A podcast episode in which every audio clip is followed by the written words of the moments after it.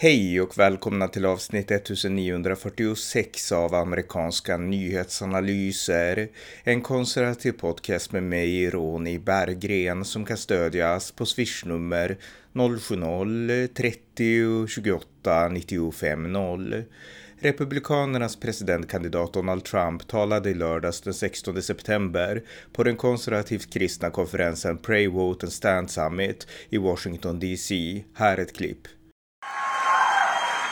Because one year from now, each of you will vote in the most important election of your lifetimes. This election will decide whether America will be ruled by Marxists, fascists, communist tyrants uh, who want to smash the Judeo Christian heritage, or whether America will be saved by God fearing, freedom loving patriots like all of the people in this room. And if we stand together in this fight, we're going to defeat crooked Joe Biden if he runs. Is he going to make it to the starting gate? But we're going to take back our country, we're going to take back our culture, and we're going to make America great again, greater than ever before. And I come here tonight bearing a very simple message. No president has ever fought for Christians as hard as I have, and I will keep on fighting for Christians as hard as I can for four more years in the White House, and we will do things that nobody has ever been able to do. Här analyserar jag talet och i vilken utsträckning Trump denna gång kommer att förmå övertyga de evangelikala kristna. Varmt välkomna! Ja, klippet ni fick höra det var från Donald Trump nu i helgen när han pratade på Pray Vote and Stand Summit i Washington DC. Och eh, Donald Trumps relation till USAs evangelikala kristna, primärt de vita, eh, det går ju långt tillbaka. 2016 i presidentvalet då så stöddes han av ungefär 80 procent av de evangelikala i USA, 84 procent tror jag. Eh, inför presidentvalet 2020 så var ju stödet oerhört starkt därför att Trump hade levererat så mycket under de fyra åren. Och eh, sen så kom ju allt det här med val valfusket och med stormningen av Kapitolium och efter det så var det många evangelikala som trappade ner det politiska och många evangelikala grupper började fokusera på det andliga primärt. Vi hade ju Osprey Revival nu i vintras och eh, det pågår fortfarande en eftereffekt av hela de här förändringarna i de evangelikala miljöerna. Vi har filmer som Jesus Revolution som även har sänts i Sverige och eh, inom många klassiska eh, högerevangelikala rörelser så är det nu mer fokus på tron och fokus på väckelse. Att alltså förändra kulturen underifrån, inte kanske på det direkt politiska. Men likväl så finns det såklart fortfarande evangelikala kristna kvar och eh, frågan har varit, kommer de att fortsätta stödja Trump? Och eh, jag gjorde en podd i november 2022 efter midterms, eh, poddavsnitt 1730, där jag ställer frågan, kan det äkta kontra inflationen av kristen högerpopulism? Och där så menar jag att det håller på att växa fram då en mer äkta, genuin eh, evangelikal rörelse i USA som inte är så politiskt fokuserad. Eh, men sen kom Trump in eh, och blev allt starkare nu under vintern primärt 2023, sommaren 2023 och åtalen och allt som skedde, det gjorde att stödet för Donald Trump bland kristna och bland konservativ allmänhet såklart, det ökade. Och nu i somras i juni så pratade ju Trump på Faith and Freedom Coalition och där så blev han den tydliga ledargestalten även för de evangelikala kristna. Mike Pence pratade också där, men han fick eh, inte så mycket stöd alls. Många tycker om, om honom och så, men de ser ändå Trump som ledaren, trots att de andra kandidaterna där i somras för nästan alla republikanska presidentkandidater pratade på Faith and Freedom Coalition nu i juni.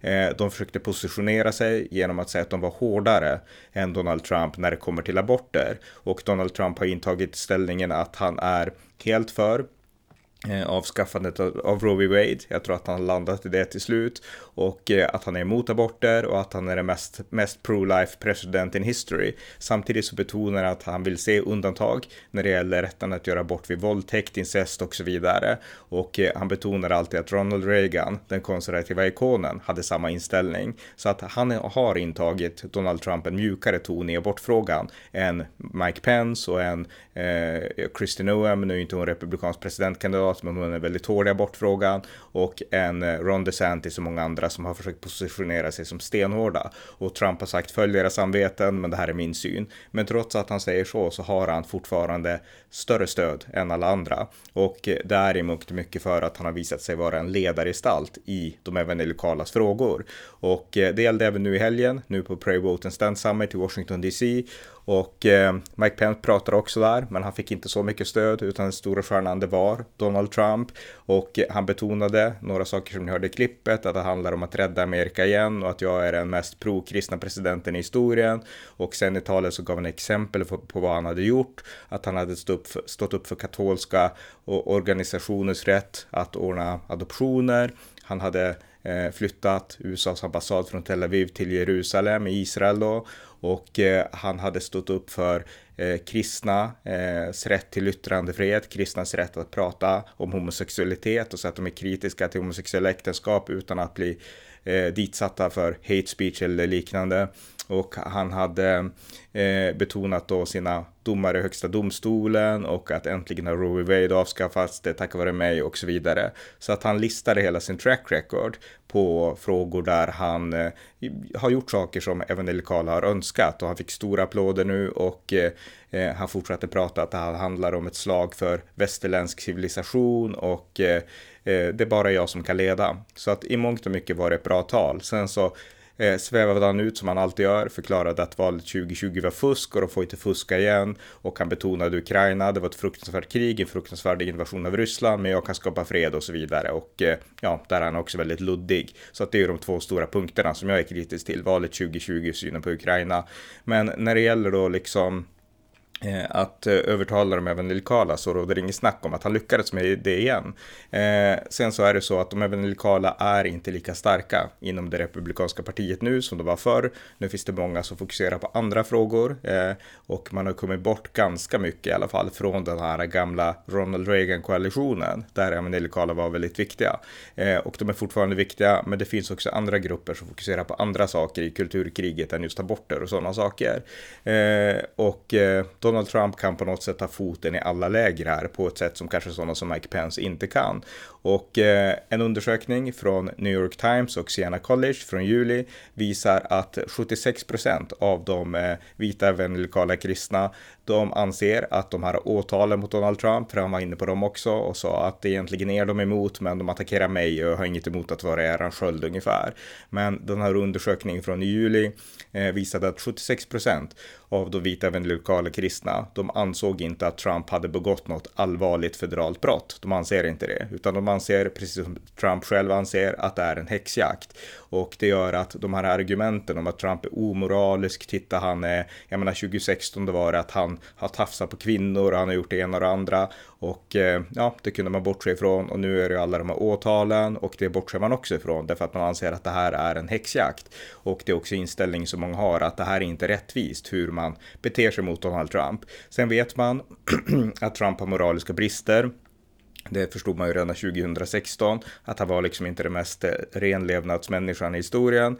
Men man bortsåg från det, därför att man ansåg att han kommer att vara en ledare för vår sak. Och det var exakt det som Donald Trump också var i sin tid i Vita huset, tillsammans med Mike Pence. Och eh, Trump lovar att vara det igen. Och eh, av precis allt att döma så verkar de evangelikala kristna eh, finna det trovärdigt även denna gång. Så att eh, stödet för de evangelikala, eller för Trump bland de evangelikala, det verkar fortsatt vara starkt. Eh, hur kommer det att bli? Kommer Trump att bli en bra president igen? För han var verkligen det under sina fyra år vid makten. Men kommer han att bli det igen för även de lokala kristna? Ja, skulle jag säga, vi får se helt enkelt. Därför att eh, Trump kommer inte att ha samma team om han skulle bli president igen som han hade mellan 2017 och 2021. Eh, han kommer inte att ha Mike Pence som var den tunga evangelikala rösten i sin administration. Kanske kommer han, vilket jag hoppas, få en sån som Kristin Noem och då skulle hon kunna driva det vidare. Eh, så att eh, det beror lite på vilka Trump tar in i sitt team. Så att han inte bara tar in nytt folk, nygammalt folk från den här eh, gamla alt-right miljön som fanns där i undervegetationen 2016. Utan att han plockar in stabila republikaner förankrade i partiet och i, de, ja, i den republikanska lokala follan. Det tycker jag skulle vara väldigt bra. Så att det beror kanske lite på vem han plockar in skulle jag säga. Men att Trump har en track record och eh, som, som liksom helt klart är för evangelikala kristna och eh, att han har levererat och att evangelikala kristna anser att det pågår en liberal häxjakt och att vad Trump än har för brister så är han ett bättre alternativ än Joe Biden som är en katastrof för republikanerna eller för, för demokraterna, för USA och för hela den västerländska civilisationen. Biden är en katastrof. Så att, att Trump är alternativet eh, att föredra framför Biden, det är, liksom, det är inget snack om bland de vita evangelikala. Så att Trump har fortfarande stödet och det verkar inte heller som att hans eh, rivaler, republikanska rivaler, kan på något sätt eh, peta ner honom här, utan Trump har fortsatt att befästa stödet bland de evangelikala kristna. Han gjorde det även nu i helgen. Så att Eh, Eh, jag kan väl nöja mig med, med den kommentaren. Men jag tycker ändå att ni ska lyssna på mina gamla poddar om det här ämnet som sagt. Eh, dels podd 1730, kan det äkta kontra inflationen av en kristen högerpopulism. Där går jag egentligen igenom nästan hela den eh, evangelikala rörelsens eh, förhållande till republikanerna. Och sen också gärna då poddavsnittet från nu i juni när Trump pratade på Faith and Freedom Coalition. Och de här poddavsnitten finns ju i poddarkivet som, som vanligt. Så att, men men med det sagt så avrundar vi det här avsnittet. Trump har återigen eh, vunnit de evangelikalas lojalitet skulle jag säga.